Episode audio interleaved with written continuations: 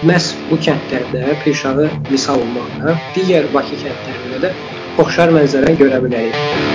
Belə xırda marşrutlar Abşeronda çoxdur. Onları inkişaf eləmək mütləqdir. İllüstrasiyalar sifariş vermək istəyirlər və adam axtarırlar ki, kim çəkə bilər və mənə məsləhət gördülər. Mən getdim, danışanda bildim ki, bunlar da konkursa hazırlaşırlar. Necə bilmək olur ki, bu qəsəbə meydanıdır, yoxsa yox? Hər dörd yola e, meydan demək olarmı yəni?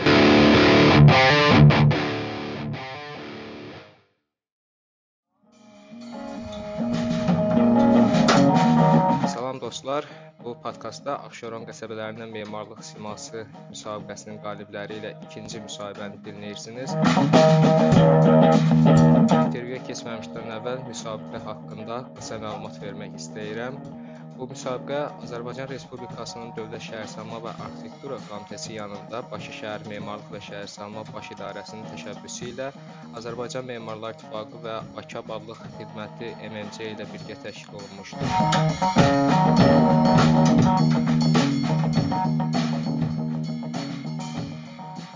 Bu görüşdə mən digər bir qalib komanda ilə müsahibə edəcəm. Onlar 4 nəfər gənc və istedadlı memardır. Komanda üzvlərindən isə yalnız üçü ilə görüşə bildim. Bunlar e, Toğrul Bayramov, e, Çiçək Bayramlı və Sübhan Manafzadədir. Digər e, komanda üzvümüz Səlim Dəmirzadə e, təəssüf ki, qoşula bilmədi. Amma bu gün biz müsahibəni etməyə çalışacağıq. E, xoş gördük uşaqlar. Sizi ikinci yerə layiq olun, görülməniz münasibətilə təbrik edirəm. Və sizdən xahiş edirəm özünüz haqqında biraz məlumat verəsiniz. Mənim adım Toğruldur. Memaram. 2013-cü ildə Kazan şəhərində Rusiyada e, memarlıq institutunu bitirmişəm. E, ona qədər Rusiyada yaşayırdım. 13-cü ildən gəlmişəm Azərbaycana. E, Azərbaycanda bir neçə il Bakı Dövlət Layihə İnstitutunda işləmişəm. Ondan sonra Formula 1-də biraz işləmişəm. Ən son işlədiyim yer Cobalt şirkətidir. Çox da tanınmır, amma yaxşı müasir memarlıqla məşğul olan bir şirkətdir. Və 2019-un dekabrından müstəqil şəkildə memarlıq fəaliyyəti ilə məşğulam.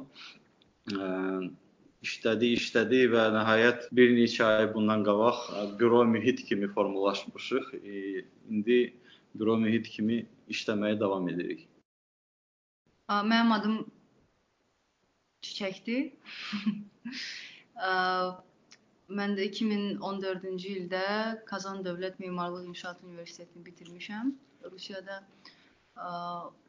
Universiteti bitirəndən sonra Bakıya köçmüşəm və hardasa 5 il falan memar kimi işləmişəm. Memar və interyer dizayner kimi. Sonuncu işlədiyim yer mənim də Cobalt şirkəti olub və oradan bəzi səbəblərə görə çıxdım və artıq freelancer kimi işləyirəm. Və freelancer olaraq həm memar işləri görürəm, interyer işləri görürəm və digər memarlıqdan kənar işlərlə məşğul oluram. Belə. Mən Sübhan, ixtisasım memardır, amma hal-hazırda memar kimi fəaliyyət göstərmirəm. Toğrulla bir yerdə bildirdiyi kimi Formula 1-də işləmişdik. Hala hə, hələ də orada e, orada çalışıram.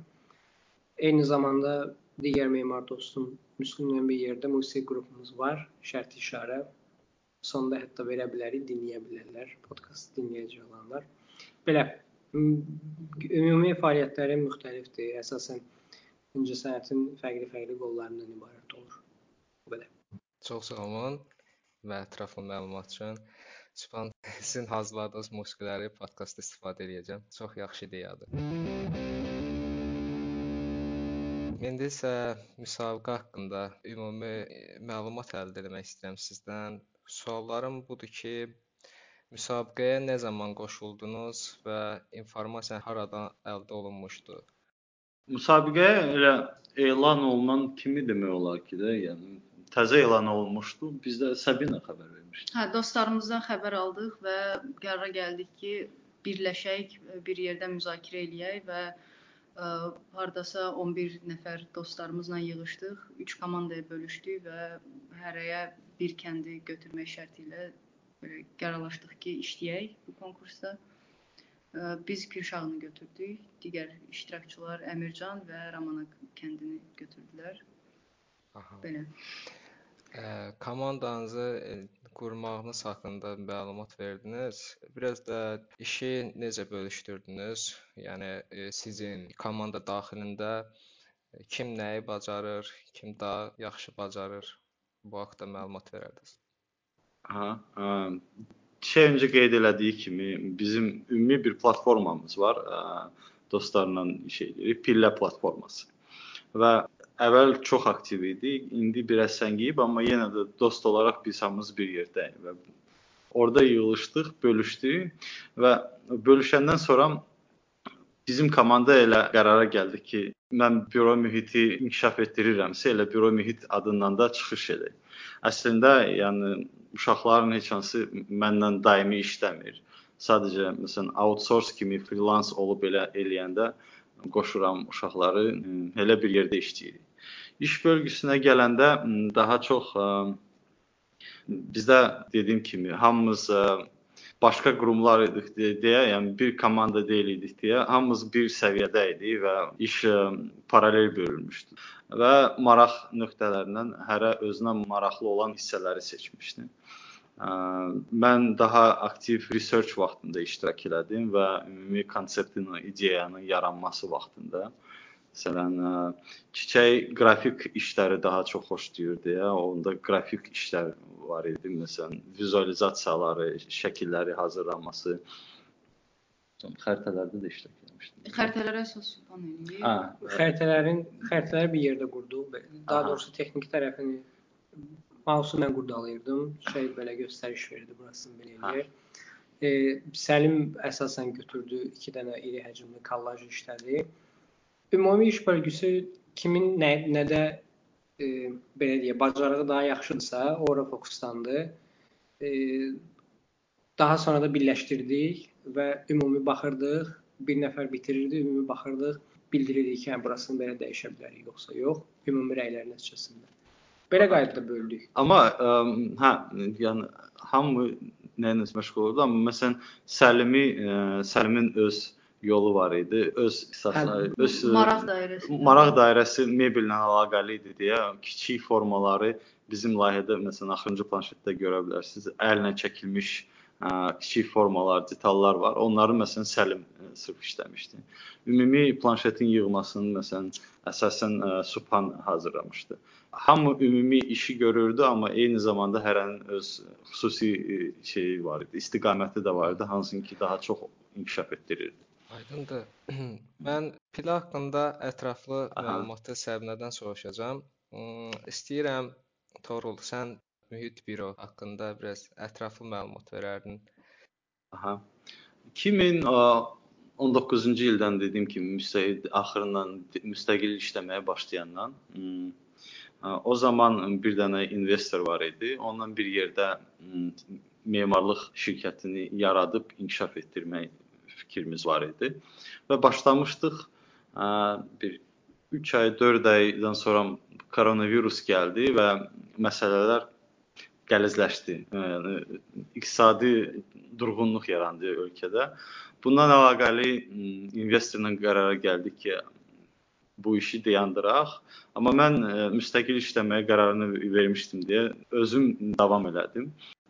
Kərimov Tural var tanıyarsan yəqin sən. Keçmişdə İlqargillə də işləyib, Monarxda işləyib. Onunla bir yerdə partnyor olaraq başladıq işləməyə.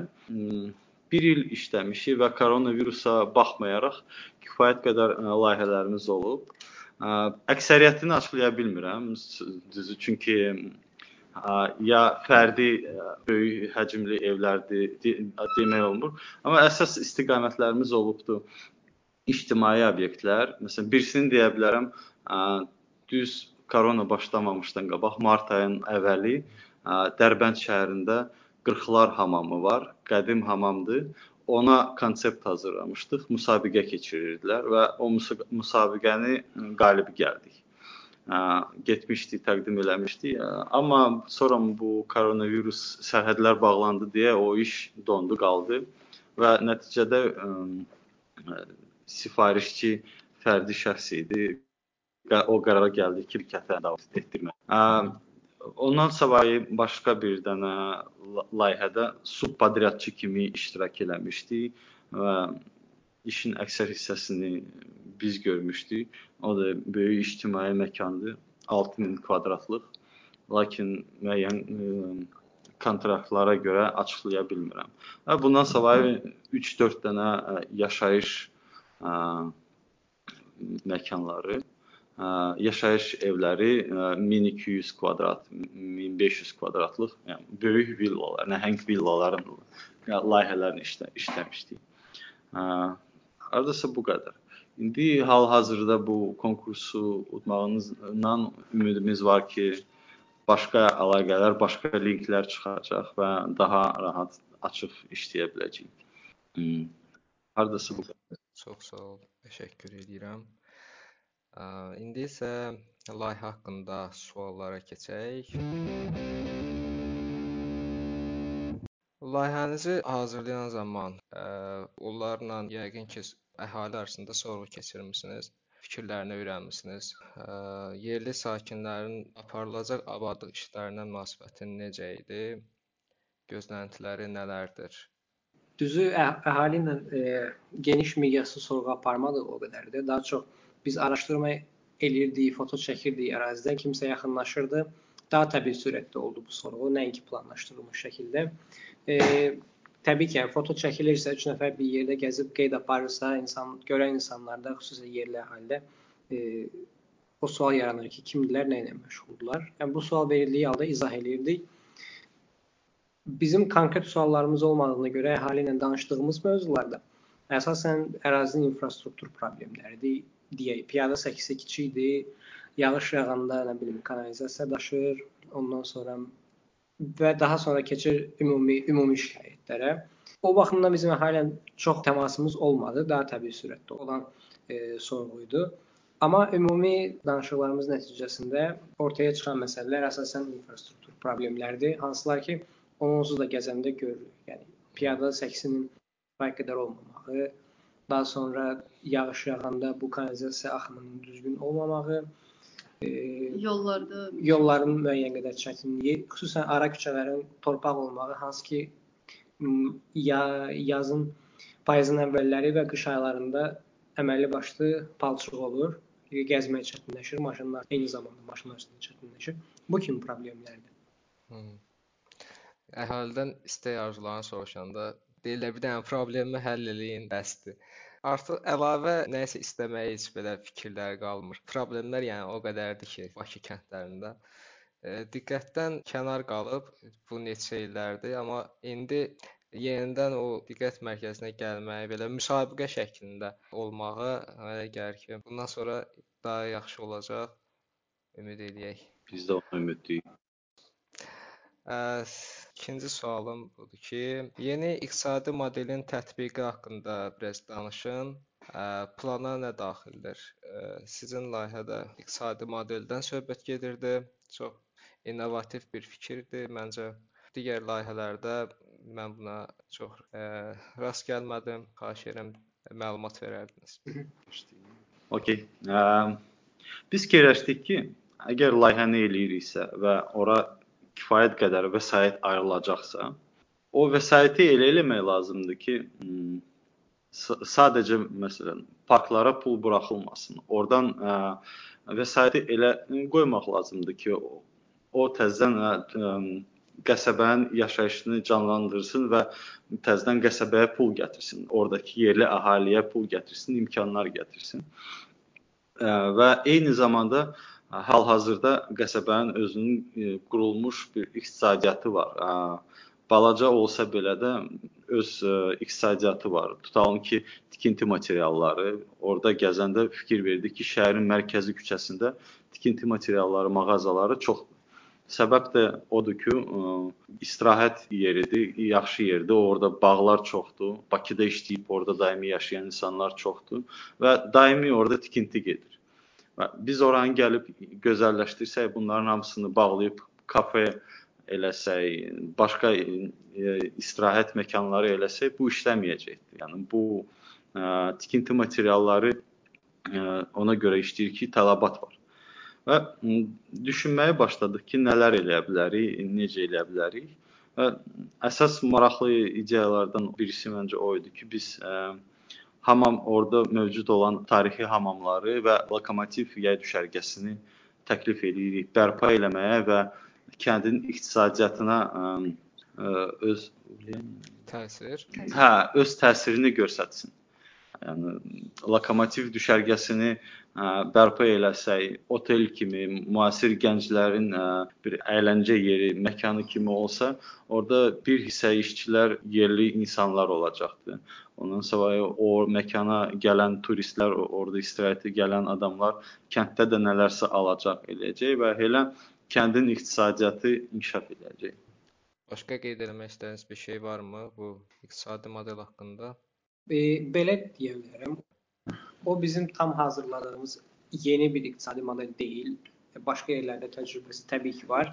E, bu da gəzdiyimiz, gördüyümüz, oxuduğumuz yerlərdən təsirləndiyimiz növ e, iqtisadi modeldir. Əsas yəni məqsəd Toğrulun bildirdiyi kimi odur ki, Bakı çox mərkəzləşib və bütün həm turistik, mədəni, iqtisadi mərkəz kimi Bakı formalaşır. Tarixən belə olub, indi də elədir. E, ona görə bir dənə şəhərin fiziki olaraq e, məkanı, fiziki məkanı bu qədər proseslərin baş verməsinə o qədər də şərait yarada bilmir. Ona görə tıxac və e, davamlı boğulma yaranır. Məqsəd odur ki, biz onda nə edə bilərik? Bakıdan müəyyən o müəyyən fəaliyyətləri götürə bilərik, onları paylaya bilərik başqa ərazilərə, hansılar ki, boşdular. Oralarda artıq bu özünü saxlasın. Yəni Pirşağda yaşayan adam artıq Bakıya gəlməsin, elə Pirşağda iş görsün, orada işləsin. Nəticədə boşalma olur. Yəni bu, bu formada o bir mərkəzciliyi çox mərkəzciliyi ilə əvəzləməklə e, şəhərin mərkəzini də boşalda bilirik.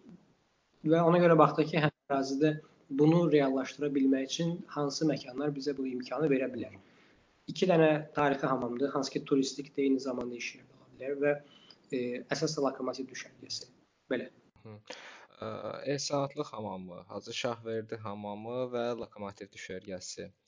Bunları yeni iqtisadi model üçün təklif etdiyiniz əsas nöqtələrdir. Bəs marşruta daxil etdiyiniz digər obyektlər haqqında nə düşünürsünüz? Məsələn, Qızılqum sanatoriyası, Pioner düşərgəsi və Fatmay hamamı. Aha, e, Belə deyim, bu layihə birbaşa müsabiqə layihəsi olduğuna görə müsabiqə layihəsinin verilmiş müəyyən sərhədləri var idi ki, biz bu sərhədlər içində layihəni reallaşdıraq. Verdiyimiz Lokomotiv hamamı və e, Hacı Şahverdi hamamı düz o sərhədlərin biraz kənarındadır, amma müəyyən qədər əlaqəli yerdir ora.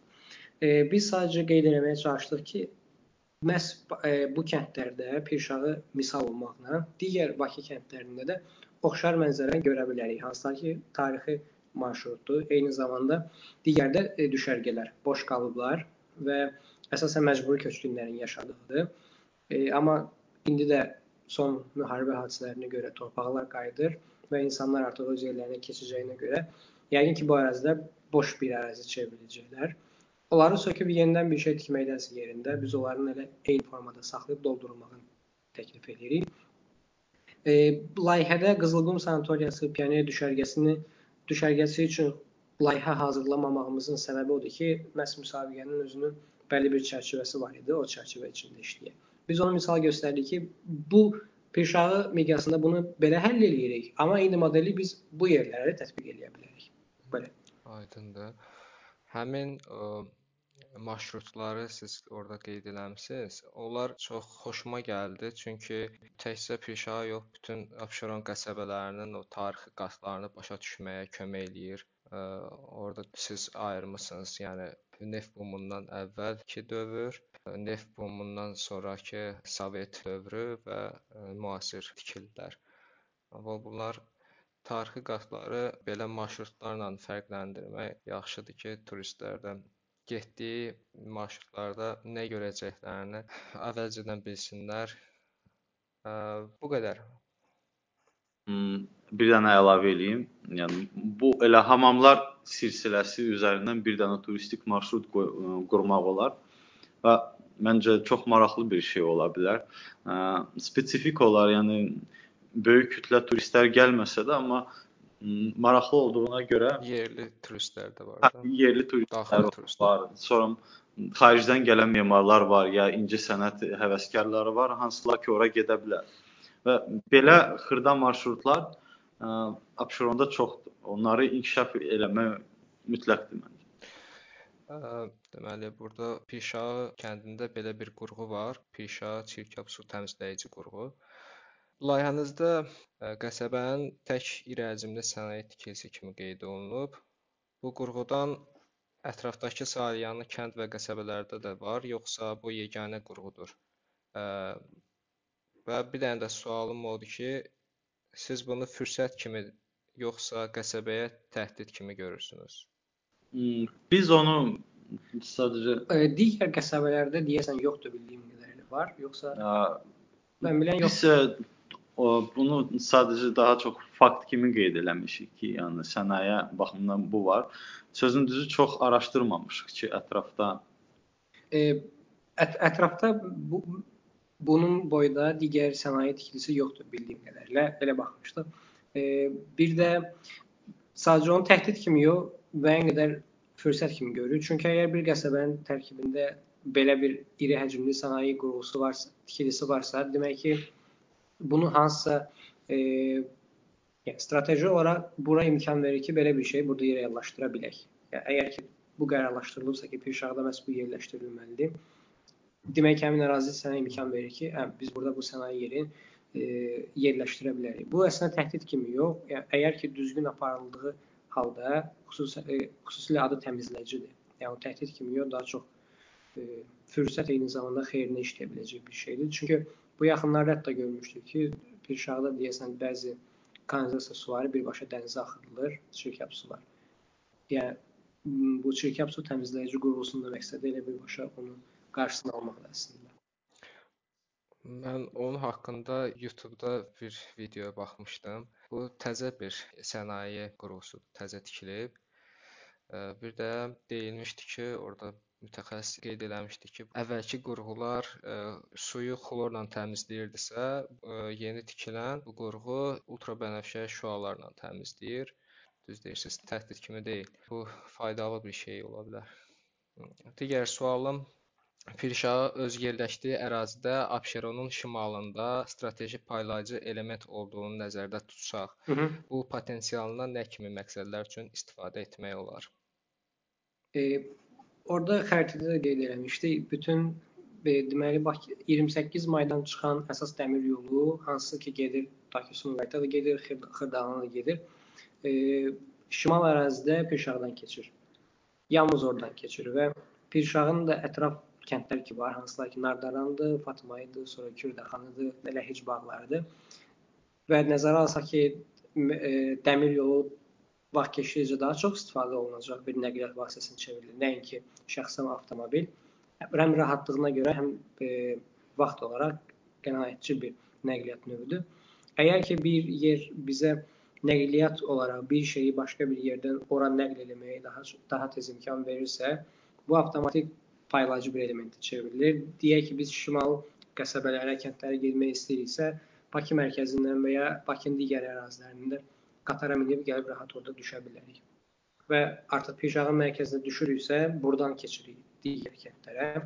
Avtomatik Pirşağı bir növ məcburi düşəcəyimiz yerə çevrilir. Bundan əlavə e, Bakı mərkəzindən bir dənə, iki dənə deyəsən əsas yoldur. Hansı ki Azadlıq prospekti daha sonra Binəqədi highway keçir deyəsən. Oradan da Pirşağıya birləşir və Bakı dairəvi yol da eyni zamanda gəlir həmin mərkəzə birləşir. 3 dənə böyük e, axını böyük olan nəqliyyat e, yolunun bir yerdə birləşməsi onun artıq strateji bir elementə çevrilməyini bildirir. Hı. Əlavəniz varmı? Yox. Məncə Hı. Ə, bəs layihəniz çərçivəsində qəsəbənin nəqliyyat və yaşıl infrastrukturuna hansı ə, yeniliklər ə, əlavə oluna bilər? Nəqliyyat olaraq əsas ə, yenilik velosiped yolları biz təklif elədik. Çünki orada yəni velosiped sürən əsasən uşaqlardır düzdür, amma var və onlar üçün şərait yoxdur. Böyüklər də eyni zamanda istifadə Hə, böyüklər də istifadə edir, amma hə. Və bir də daxili küçələrin yollarını bərpa eləməyə hə, təklif eləyirik. Yaşıllıq ilə bağlı əsas onu təklif elədik ki, orada kiçik meydançalar olur, əmələ gəlir və biz bir növ onları daha funksional istifadə üçün ə, təklif verdik ki, orada abadlaşdıra bilərik. Məsəl üçün orada besetkalar ola bilər, oturmağa yer ola bilər, uşaqların oynamağı üçün yerlər falan, yəni belə rekreasiya zonaları təklif eləmişik. O həmin qəsəbə meydanlarından danışırsınız da yəqin. O qəsəbə meydanlarını necə müəyyən etmisiniz? Orda e, artıq insanların toplaşdığı, necə deyim, müşahidə olunur və siz bunu belə meydan kimi ə, e, qeydə almısınız. Necə bilmək olur ki, bu qəsəbənin meydanıdır, yoxsa yox? Hər dörd yola ə, e, meydan demək olarmı, yəni? E, hər dörd yola meydan demək olmur. Əgər ki, dörd yol ancaq yolla kəsişirsə, onda o meydan ola bilmir. Biz seçdiyimiz meydanlar əsasən potensial meydan ola biləcək yerlərdir. Hansılar ki, yol kəsişmələrindədir. Eyni zamanda da yol kəsişməsindən əlavə e, deyə bir 7, 8, hətta 10 metr boş ərazisi də var. Məsələn, gəldi yol kəsişdi, 10 metr belə geniş ərazi var, daha sonra evlər başlayır, fərdi evlər başlayır. O ərazilərə baxanda görsənir ki, həm Buralar artıq potensial meydandılar. Həm ərazisi böyüdü və sən istədiyin kiçik infrastruktur yerləşdirə bilərsən, kiçik proqram da yerləşdirə bilərsən ora. Seçdiyimiz meydanlar bu idi. Amma kəndin əsas mərkəzindəki meydan onsuz da meydandır. Giriş hissəsi. Hansı ki, yəni e, əsas iqtisadi mərkəzdir. Yəni bura bura avtomatik özü meydandır. Amma digər seçkilərimiz daha çox potensial meydan ola biləcək. Hı -hı. Bu qəsəbədəki binaların ümumi eksteryer həlli üzrə nə təklif edirsiniz və təklif olunan kiçik memarlıq elementləri və dekorasiya haqqında məlumat verərsiniz? Zəhmət olmasa. Ek eksteryerlə bağlı biz düşündük ki, ənənəvi memarlığı ə, qoruyaq və bəzi yerlərdə qaytaraq. Ə, başqa nə? Kiçik memarlıq elementləri və dekorasiya Əslində yaxşı olardı Səlim burada olsun. Ona görə hamımız ilişdik. Əsas kiçik elementləri o həll etmişdi. E, eksteryer həlli üzrə çalışdıq ki, ümumilikdə koloristikanı saxlayaq. Əgər ki biz Bakı kəndlərinə gediriksə, heç Bakı kəndləri olmasın. Xüsusilə kiçik yerlərə gedəndə, kiçik qəsəbə kimi yerlərə bir növ bilmirəm səbəbi nədir, onun araşdırılmasını gərək ki, bilək.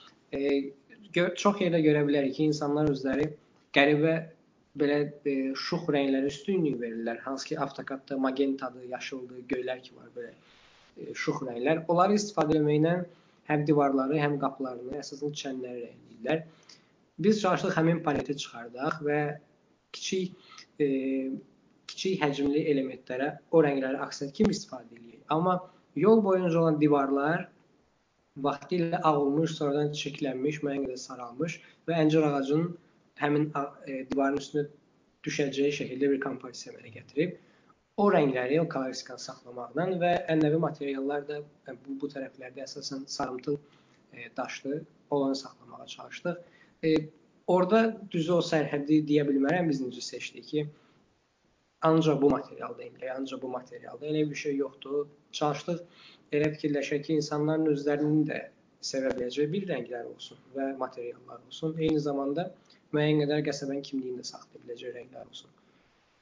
Belə əsasən yanaşdıq. Kiçik e, memarlıq elementlərinə gələndə isə Səlimin o kiçik miqyasının xüsusi sevgisi var.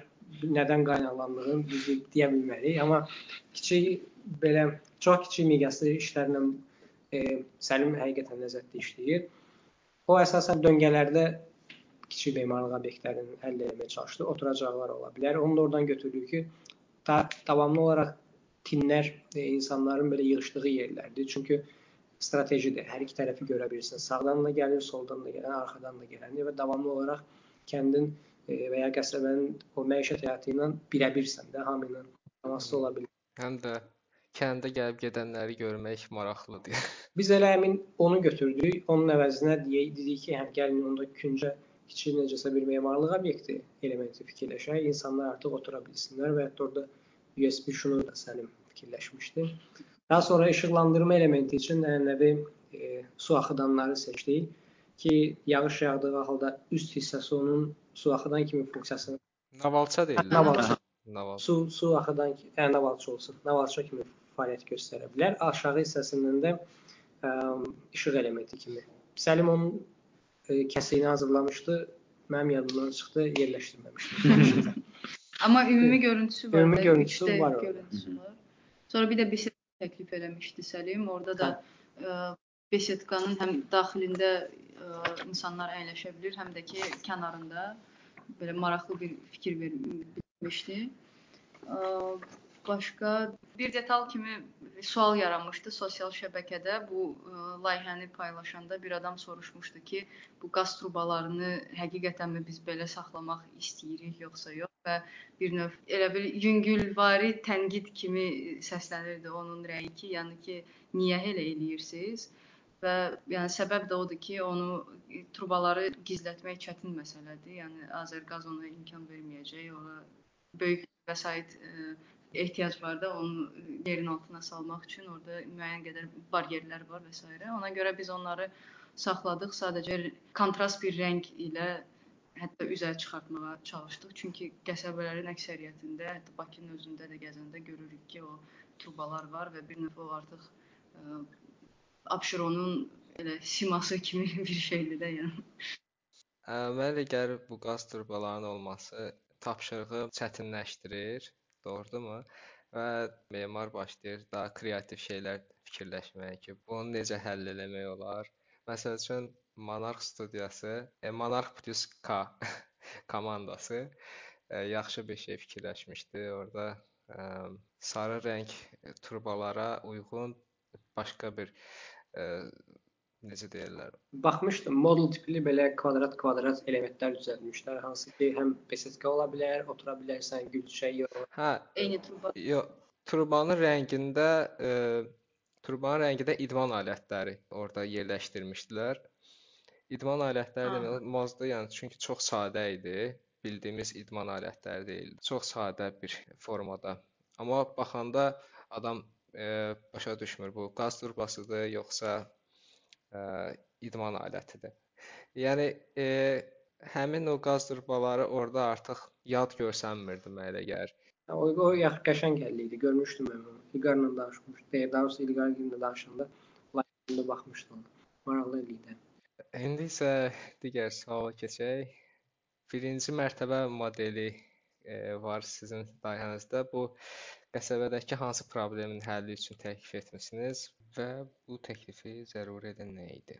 Abşeron ə, ə, kəndlərinin küçələri bildiyimiz kimi çox vaxtı ə, dar ensiz olur və adətən yoldan ibarətdir. Kiçik bir səki və keçmişdə m, ticarət obyektləri az olduğuna görə əsasən divarlar olmuşdu. Hətta çəpərlər idi. İndi uje divarlar və indi ticarət obyektləri də çoxaldığına görə və ticarət obyektləri. Və m, onları söküb o küçələri gen genişləndirmək biraz çətindir. Ə, orada gəzəndə uşaqlar təsadüfən bir dənə kafeyə girdilər çay içməyə və gördülər ki, ə, kafe üzü yola çıxır və arxa bağ hissəsini adam kafenin daxili həyəti kimi istifadə edir. Oradan qaynaqlanaraq belə bir ideya gəldi ki, zaten ora ictimai məkan kimi bir yerdir, o kafenin ərazisidir. Bunu birləşdirmək olar küçəyə, ən azı vizual olaraq küçəyə birləşdirmək olar və onda insanda elə bir hissiyat yaranır ki, küçə daha da geniş görsənir və daha da enli və maraq nöqtələri ola bilər orada. Hardasa kafe ola bilər, hardasa başqa bir təyinat ola bilər elə sərgüzəştləri çoxaldırdı. Aha. Daha macəralı yerə çevirdi. daha macəralı. Nəinki uzun koridora. Həmin o iqtisadi küçə boyu deyirsiniz orada tikinti materialları satılan yerlər var. Mən adətən tikinti materialı satılan o ə, mağazalarda görmüşəm ki, ə, satışçılar tikinti materiallarını mağazanın qarşısına qoyur, yola çıxardır. Hətta piyadaların keçiddə mane olan yerə qoyurlar. Yəqin ki, bu birinci mərtəbə modeli həm də orada da istifadə oluna bilər ki, bunlar öz mallarını içəri qoysunlar, yoxsa daha geniş bir Bu, yəni bu problemi həll edə bilərmi bu model, yoxsa ə, satıcılar məncə o, onları bu fikirdən daşındırmaq olmayacaq. Bu çox sadə həll olunur. Bu daha çox yerli icra qurumlarından asılıdır. Yəni qanunla onları faktiki olaraq zəbt ediblər səkiləri. Onlara icazə verməməlidirlər. Amma sən dediyin kimi bu birinci mərtəbə modeli onu həll eləyə bilər. Onlara icazə verməsələr səkiyə qoymağa, onlar məcbur olacaqlar elə bir ə, özlərinə məkan axtarmağa və bu daxili həyat əvəzləyici ola bilər. O sıradakı bütün obyektlərdə bu məkan varmı? E, yəni daxili həyətlər varmı bütün obyektlərin? Biz gir biz girdiyimiz məs e, çayı deyə o digərləri necədir? Deyə satışçısa, yem dükanındasa, sən qapıda alış-veriş edirsən, çıxıb gəlirsən, oturmursan. Amma əksəriyyətinin arxa həyəti var. Məhz kafe olduğuna görə biz arxasına keçə bildik onun. Çünki e, sanitar qovşaq arxada idi. Ona görə keçdik arxasına və bir növ e, tapıntı oldu həmin yer.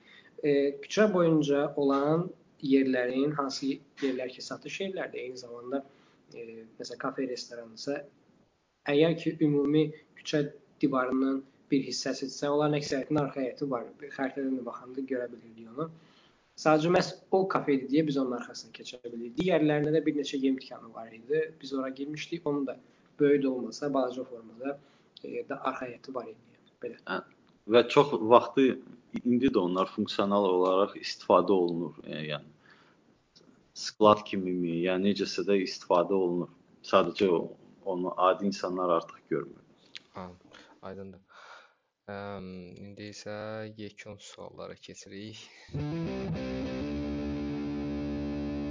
Deməli, qəsəbənin e, başqa hansı problemləri var idi və onların hansı hamısını əhatə etmək mümkün oldumu?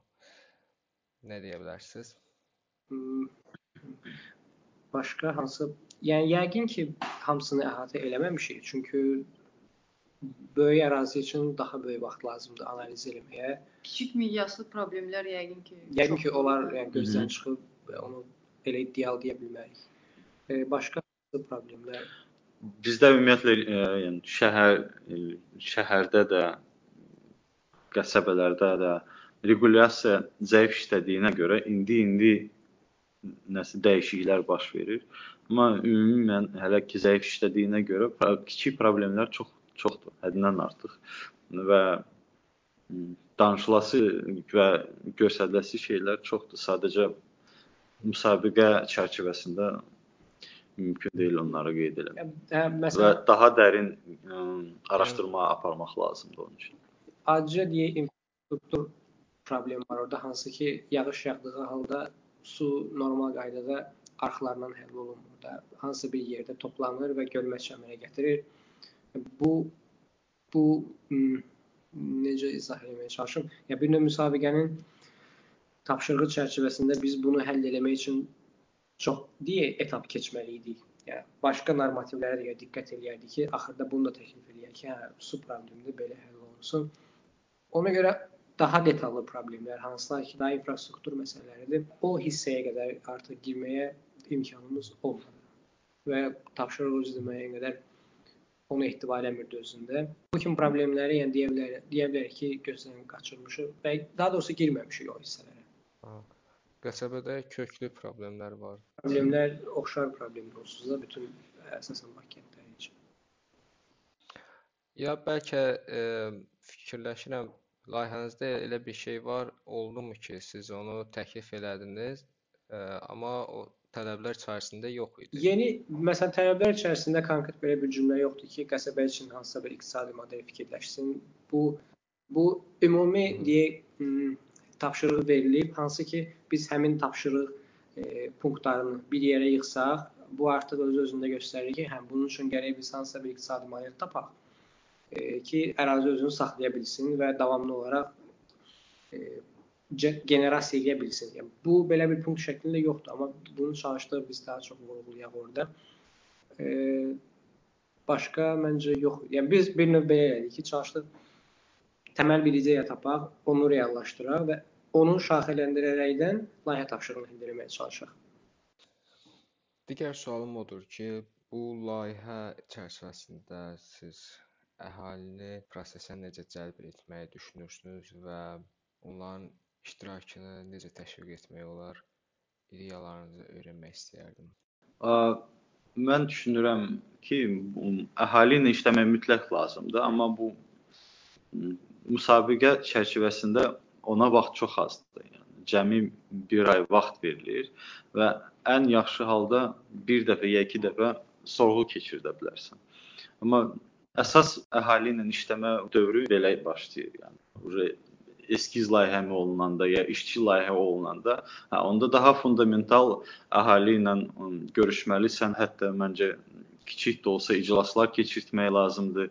Bəzən layihələndirmənin ya birbaşa cəlb eləmək lazımdır ki, onlar da gəlib insanlar cıza bilməsə də məsələn, kompüter bilməsə də əlləmi, yəni nəsə öz təklifləri varsa onları da versinlər. Bunlar mütləqdir, sözsüz.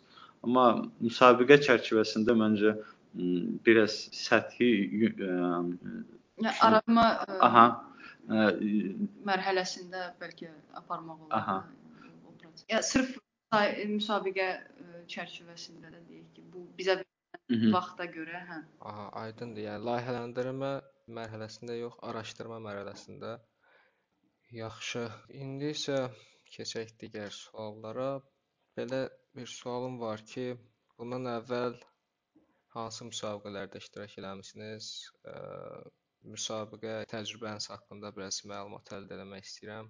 Bu yerli müsabiqələr ola bilər, beynəlxalq müsabiqələr ola bilər. Və istəyirəm ki, bu müsabiqənin tapşırığını təşkil olunmasını həmin o e, müsabiqələrlə müqayisə edəsiniz. Necə idi? Tapşırıq asan, anlaşılan idimi? Qiymətləndirmə və s. haqqında. Mən bayaqları mühit barədə danışanda bunu unutmuşdum deməyə.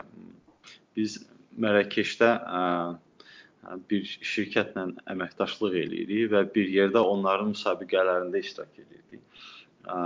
Cəmi bir 4-5 müsabiqədə iştirak eləmişik daha çox onlar dövlət e, tenderindən olan və iri miqyaslı müsabiqələr idi. 4 hektar yarım ərazidə təhsil ocaqları yaradılırdı. Hamısı aşağı-yuxarı 4 hektar yarım ərazidə idi. Və onunla müqayisədə tələblər çox az idi. Orda tələblər çox ciddi idi və ona gəlib çatırdı ki, hər otağın sahəsi qeyd olunurdu və zəruriyyət varsa otağın eni uzunluğu və hündürlüyü qeyd olunurdu. Bütün otaqlar və bütün şərtlər detallı yazılırdı. Amma nəzərə alsaq ki, bu Azərbaycanda təzə başlayır və bu daha çox eksperimental olduğu, aha, sonra biz belə başa düşdüyümüzə görə gəncləri tanımaq üçün olduğuna görə bu da kifayət qədər ə, yetərli idi ki, ə, ümumi məlumatlar var, ümumi tələblər var və sən rahat istədiyin kimi layihələndirə bilirsən. Məsələn, daha ə, dəqiq qoyulsaydı şərtlər biz bəlkə də iqtisadi modelə tərəf gedib hmm. çıxa bilməzdik. Çox vaxt tələb eləyər. Bəlkə də bu düşünülmüş şəkildə ümumi şərtlər qoyublar. Yəni detallı yox, ümumi. Ki vaxt çatdırsınlar da, yəni qrupla işləyənlər. Aha. Ə, bəs ə, müsabiqənin şərtləri asan anlaşılan idimi? Ə, Sualınız olanda münsiflər heyəti ya təşkilatçılarla ünsiyyət yaradırdınızmı və onlar sizə necə kömək edirdi? E, həm müsabiqə tapşırığında tapşırıq sadə tərtib olunmuşdu, amma bir neçə dənə texniki olaraq nəzərdən qaçan məsələlər var idi. Biri o idi ki, iki planşet tələb olunurdu və orada 3 dənə fərqli e, plan, baş plan, müfəssəl plan və ərazinin hansı ərazi ki işlənəcək oranın planı Onları da göstərilən miqyasda işlədiyimiz halda iki planşetin yarısı, bir planşet yarım artıq itmiş olurdu. Digər e, işləri biz yerləşdirə bilməyəcəkdik. Bu ilə bağlı müraciət ünvanladıq. Müsabiqəni həyata keçirdən quruma. Orada bildirdilər ki, hə, onda siz planşet sayını da artıra bilərsiniz. Eyni zamanda miqyasda olmaya da bilər və mütləq deyil bu miqyasda işləyəsiniz. Bu qaydada nə məlumat göndərdiksə, yəni demək olar demək olar yox, yəni yəni istədiyim nə problem qarşımıza çıxdısa, hansını soruşduqsa qarşılığında e, həll edə biləcəyimiz cavabları aldıq. O baxımdan təşkilatçılıqdan yəni razıyıq. Yəni, nə sual var idi, birbaşa əlaqə saxlaya bilirdik. Maillə də, zənglə də hamısına cavab verirdilər. Bəs ə, verilmiş arxiv materiallar sizə kifayət etdimi?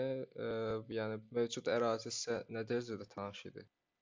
E, verilmiş arxiv material verilmədi bizə. Bizə bir dənə ArcGIS faylı verilmiş, ArcGIS faylı verilmişdi. Orada da müəyyən çatışmazlıqlar var idi. Bunu daha sonra biz danışdıq elə müsabiqəni təşkil edən qurumdan bildirdik kiçik irad kimi. E, qalan şeyləri özümüz tapmağa çalışdıq. Əsas ərazinin e, Pirşağının və Pirşağının Bakı ilə əlaqəsi, ətrafla əlaqəsini Toğrul məsəl analiz edib çıxartdı. Nəqliyyat olaraq necə əlaqələnib, sosioloji olaraq deyək necə, düz sosioloji olaraq yox, mədəni olaraq necə əlaqələnib. Bu kimi araşdırmaları etdi. Toğrulla Səlim daha çox tanışdı ərazi ilə. Şeylə mən o qədər də tanış deyildik. Mən birinci dəfə gedirdim. Hə, Toğrul'la Səlimin tanışlığı əsasında və Səlim bir gün ayırdı, bütün ərazini gəzdi, motosikleti ilə fotoları çəkdi. Onun əsasında və Toğrul'un analizləri əsasında artıq hə baxdı ki, bu əraziyə belə potensiallı yerə bunu təklif edə bilərik. Yaxşı.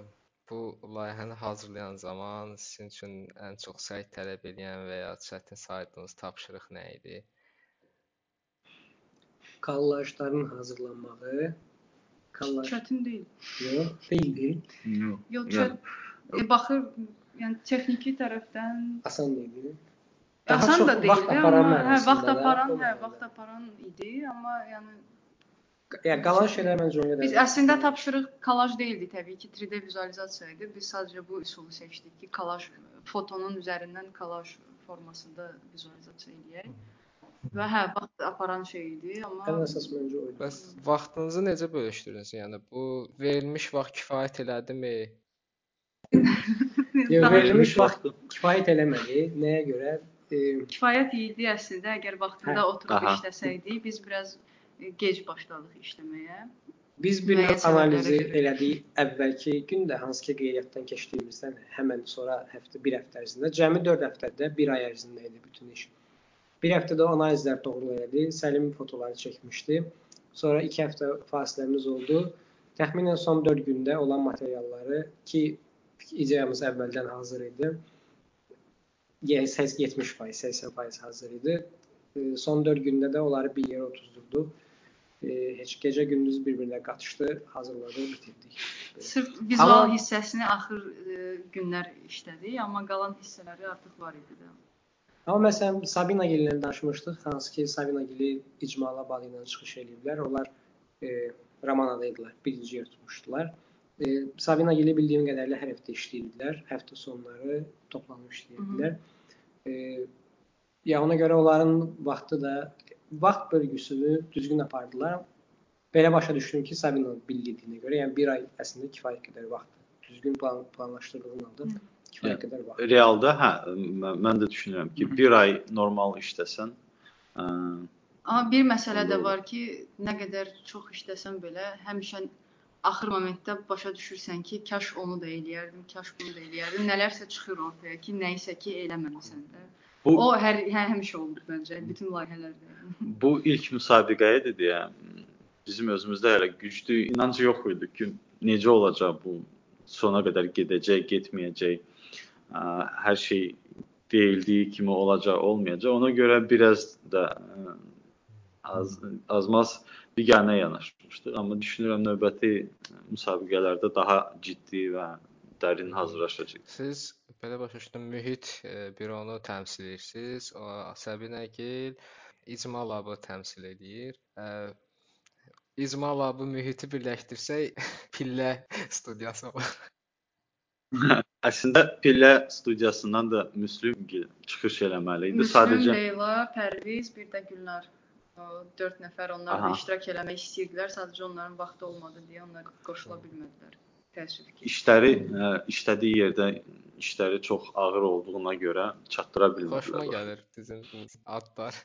Mühit, pillə, İcma Lab. E, Rəqiblərinizdən kimləri tanıyırdınız? Sualı vermək istəyirəm. Mənə elə gəlir siz öz dostlarınızı tanıyırsınız, rəqiblər də, yəni onlar da rəqib sayılır. Yoxsa onlar sizə rəqib deyildi, amma başqa bir qəsəbənin təklifini vermişdilər. Amma sizin rəqibləriniz var idi də burada. Biz biz Qargili tanıyırıq, Monarx studiyanı. Sonra bu axır günlərdə mən SN Line şirkəti ilə tanış oldum. O da təsadüfən elə oldu ki, illüstrasiyalar sifariş vermək istəyirdilər və adam axtarırdılar ki, kim çəkə bilər və mənə məsləhət gördülər. Mən getdim, danışanda bildim ki, bunlar da konkursa hazırlaşırlar və sırf bu konkurs üçün adam axtarırlar ki, 3D vizualizasiyaları illüstrasiya kimi işləsinlər. Və orada məlum oldu ki, biz də iştirak edirik. Onlar da ona görə yəni işləmədim onlarla təbii ki, amma onlar da e, deyəsən Əmircanın işləyirdilər. Səhvləmirəmsə 3-cü yeri tutdular onlar da. SN Line. Bir, hə, bir də memarlıq inşaat Aytaç. universiteti, Aytaç Gil, hə. Aytac rəhbərliyini də tanıyırıq. Əfsun Mehmani idi desən. O ilə bir yerdə Hı. o, o Əmircanda idilər onlar. Deyəsən Əmircan, onlar da Əmircan. Əmircan Əmircan, Əmircanı işləyirdilər onlar. Götürmüşdülər. Yoxsa- üçüncü yer iki adamdı. Hə, iki nəfər, o biri SN SN Biri işləri haqqında nə düşünürsünüz? Qaliblər elan olundan sonra baxdınız da, onların işlərini gördünüz. Baxıb təhlil eləməyə vaxtınız oldumu, yəni? Heç belə baxdınız, nə düşünürsünüz onların işlərinə? Qa- Qaliblər elan olundu. Sonra biz e, Toğrul'la getdik Memarlıq və Şəhərsalma e, Komitə. komitəsinə. Orada orada təqdimat oldu. Elə bir hər kənd üzrə birinci, ikinci və iki nəfər iki komanda üçüncü yerin işləri var idi. Ümumi baxanda e, başa düşülən odur ki, demək olar bütün komandalar praktik yanaşıblar məsələyə. Yəni bir çalışıb ərazinin potensialını dəyərləndirməkdir. E, daha sonra ərazinin potensialını dəyərləndirəndən sonra nə tətbiq etmək olar ki, həm estetik problemləri həll etsin, həm də insanların e, gündəlik məşğuliyyətlərinə, fəaliyyətlərinə Həm də təsir rifahını yaxşılaşdırsın.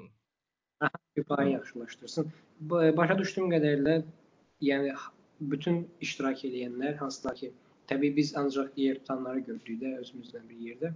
E, onların işləri daha doğrusu iştirakçıların hamısı demək olar e, sosial fərqindəliyi olduğuna görə e, istənilən layihə öz özlüyündə müəyyən bəlkə estetik məsələlərdə razılaşmaya bilərik, amma daha praqmatik, praqmatik Hı. məsələlərdə e, oxşar oxşar şeylər təklif edilmişdir. Də ə, axırıncı sualım budur ki, müsabiqədən sonrakı mərhələni necə təsəvvür edirsiniz?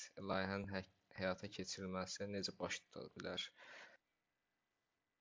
Hə, əla olardı ki, yəni deyilən kimi bu qalib olan komandalara təhvil versinlər və onlar daha detallı işləsinlər. Artıq ümumi konsepsiya yox, bütün qəsəbəni daha detallı işləsinlər və icraat zamanı müəllif nəzarətində keçirsinlər. Çünki bu çox vacibdir. Bu sikl bizdə tam işləmədiyinə görə bunu bərpa eləmək vacibdir. Və o təbii ki, memarlara stimul yarada bilər Aha. ki, növbəti konkurslar əgər olsa, orada yenə iştirak eləməyi, yəni hamı istəyər ki, onun layihəsi həyata keçirilsin. Oxumuşdum. Vacib. Oxumuşdum, ə, saytda yazılmışdı ki, müsabiqədən sonra müəlliflər dəvət olunacaq ə, işin icraat prosesi. Ə- Əgər əgər Hə, reallaşdırılarsa, müəlliflər dəvət olunacaq. Gözləntilərimizdən biri də odur ki, yəni bu davamlı olarsa, daha açıq formada keçirilsin və artıq hardasa bir layihə varsa, bir növ gözümüzü açaq verək ki, hə bu layihə. Daha doğrusu bir növ gözümüzü açıb görməyək ki, burada nəsə bir layihə forma e, reallaşdırılır. Ya bilək ki, hə müsabiqəsi olub və açıq formada müsabiqə olub, hamı hamı üçün əl çatan olub. E, bu okey sağlam rəqabət dediyimiz şey də formalaşdıra bilər. E, yalnız ancaq bir neçə dənə əsas şirkət olur, hansılar ki, onlar işləyir. Belə bir şey formalaşmasın. Yəni yenə monopoliya məsələsi yox, daha parçalanmış formada. E, bir də orada bildirildiyi kimi birinci yerin qalibi varsa dəvət olunardı və o ilə bir yerdə e, layihə reallaşdırılardı. Bir də mənim o bir gözləntim var idi ki, bir reallaşdırılan layihə təkcə birinci yer yox, yaxşı olardı ki, əgər digər ikinci və ya üçüncü yer isə varsa, onların hansısa bir layihəsində məqam varsa ki, digər birində yoxdur və əgər bunları necəsə bir-birinə uyğunlaşdırmaq mümkündürsə, onları uyğunlaşdırıb elə təşkil etmək olardı. Onsuz da birinci yer tutulubsa, hə bu alqışlanır. Demək ki, o daha çox problemi əhatə edib, daha e, uyğun həll təklif edib. Amma ola bilər ki, hansısa bir layihə çox xüsusi bir məqama toxunub onu da oradan istifadə etmək olar. E, belə. Bununla qalib komanda məşğul olmalıdır. Hə, bu ilə qalib komanda əsas aparıcı kimi, e, Aha. digəri də ona köməkçi komanda kimi. köməkçi və yaxud özü oturub başqa layihələri analiz edib anlamalıdır ki, Hı -hı. yaxşı məqamları istifadə eləsin. Aha. Çünki biz hamımız Azərbaycan üçün işləyirik də burada. Düzdür. Hər bir komandanın özünə məxsus hazırladığı fərqli ideyalar var. Onlar da ümumi reallaşacaq layihədə hamısını görmək doğrudan da yaxşı olardı. Müsahibənin sonuna gəldik, çatdıq. Çox sağ olun müsahibəyə görə. Çox sağ ol. Sən, Sən sağ ol. Şad oldum. Yekun kimi düşünürəm, yaxşı olardı ki, digər qurumlar da Memarlıq Şəhər Salma Komitəsi elədiyi kimi müsabiqələr yaratmağa başlayar. Hal-hazırda Azərbaycanda çox zaman tenderlə bu məsələlər həll olunur və ya qapalı, ya açıq tender keçirilir və tenderdə layihənin qiymətləndirməsi əsas rol oynayır. Yəni orada ancaq rəqəmlərə baxılır. Amma yaxşı olardı ki, digər qurumlar hansılar ki, inşa ilə, tikinti ilə, memarlıq ə, e, sifarişi ola biləcək qurumlar belə bir müsabiqələr keçirsin. Əlbəttə bəzi ə, müsabiqələr açıq ola bilər, bəziləri qapalı olmalıdır, amma yenə də müsabiqələr olsun ki, insanlar ə, kreativləşsin və daha maraqlı işlər görməyə çalışsın ki, birinci, yəni birinci yeri tutmaq və layihəni udmaq ə, asan da olmasın. Sadəcə rəqəmlərlə həll olunmasın. Əsas ideya ilə həll olunsun. Bu qədər.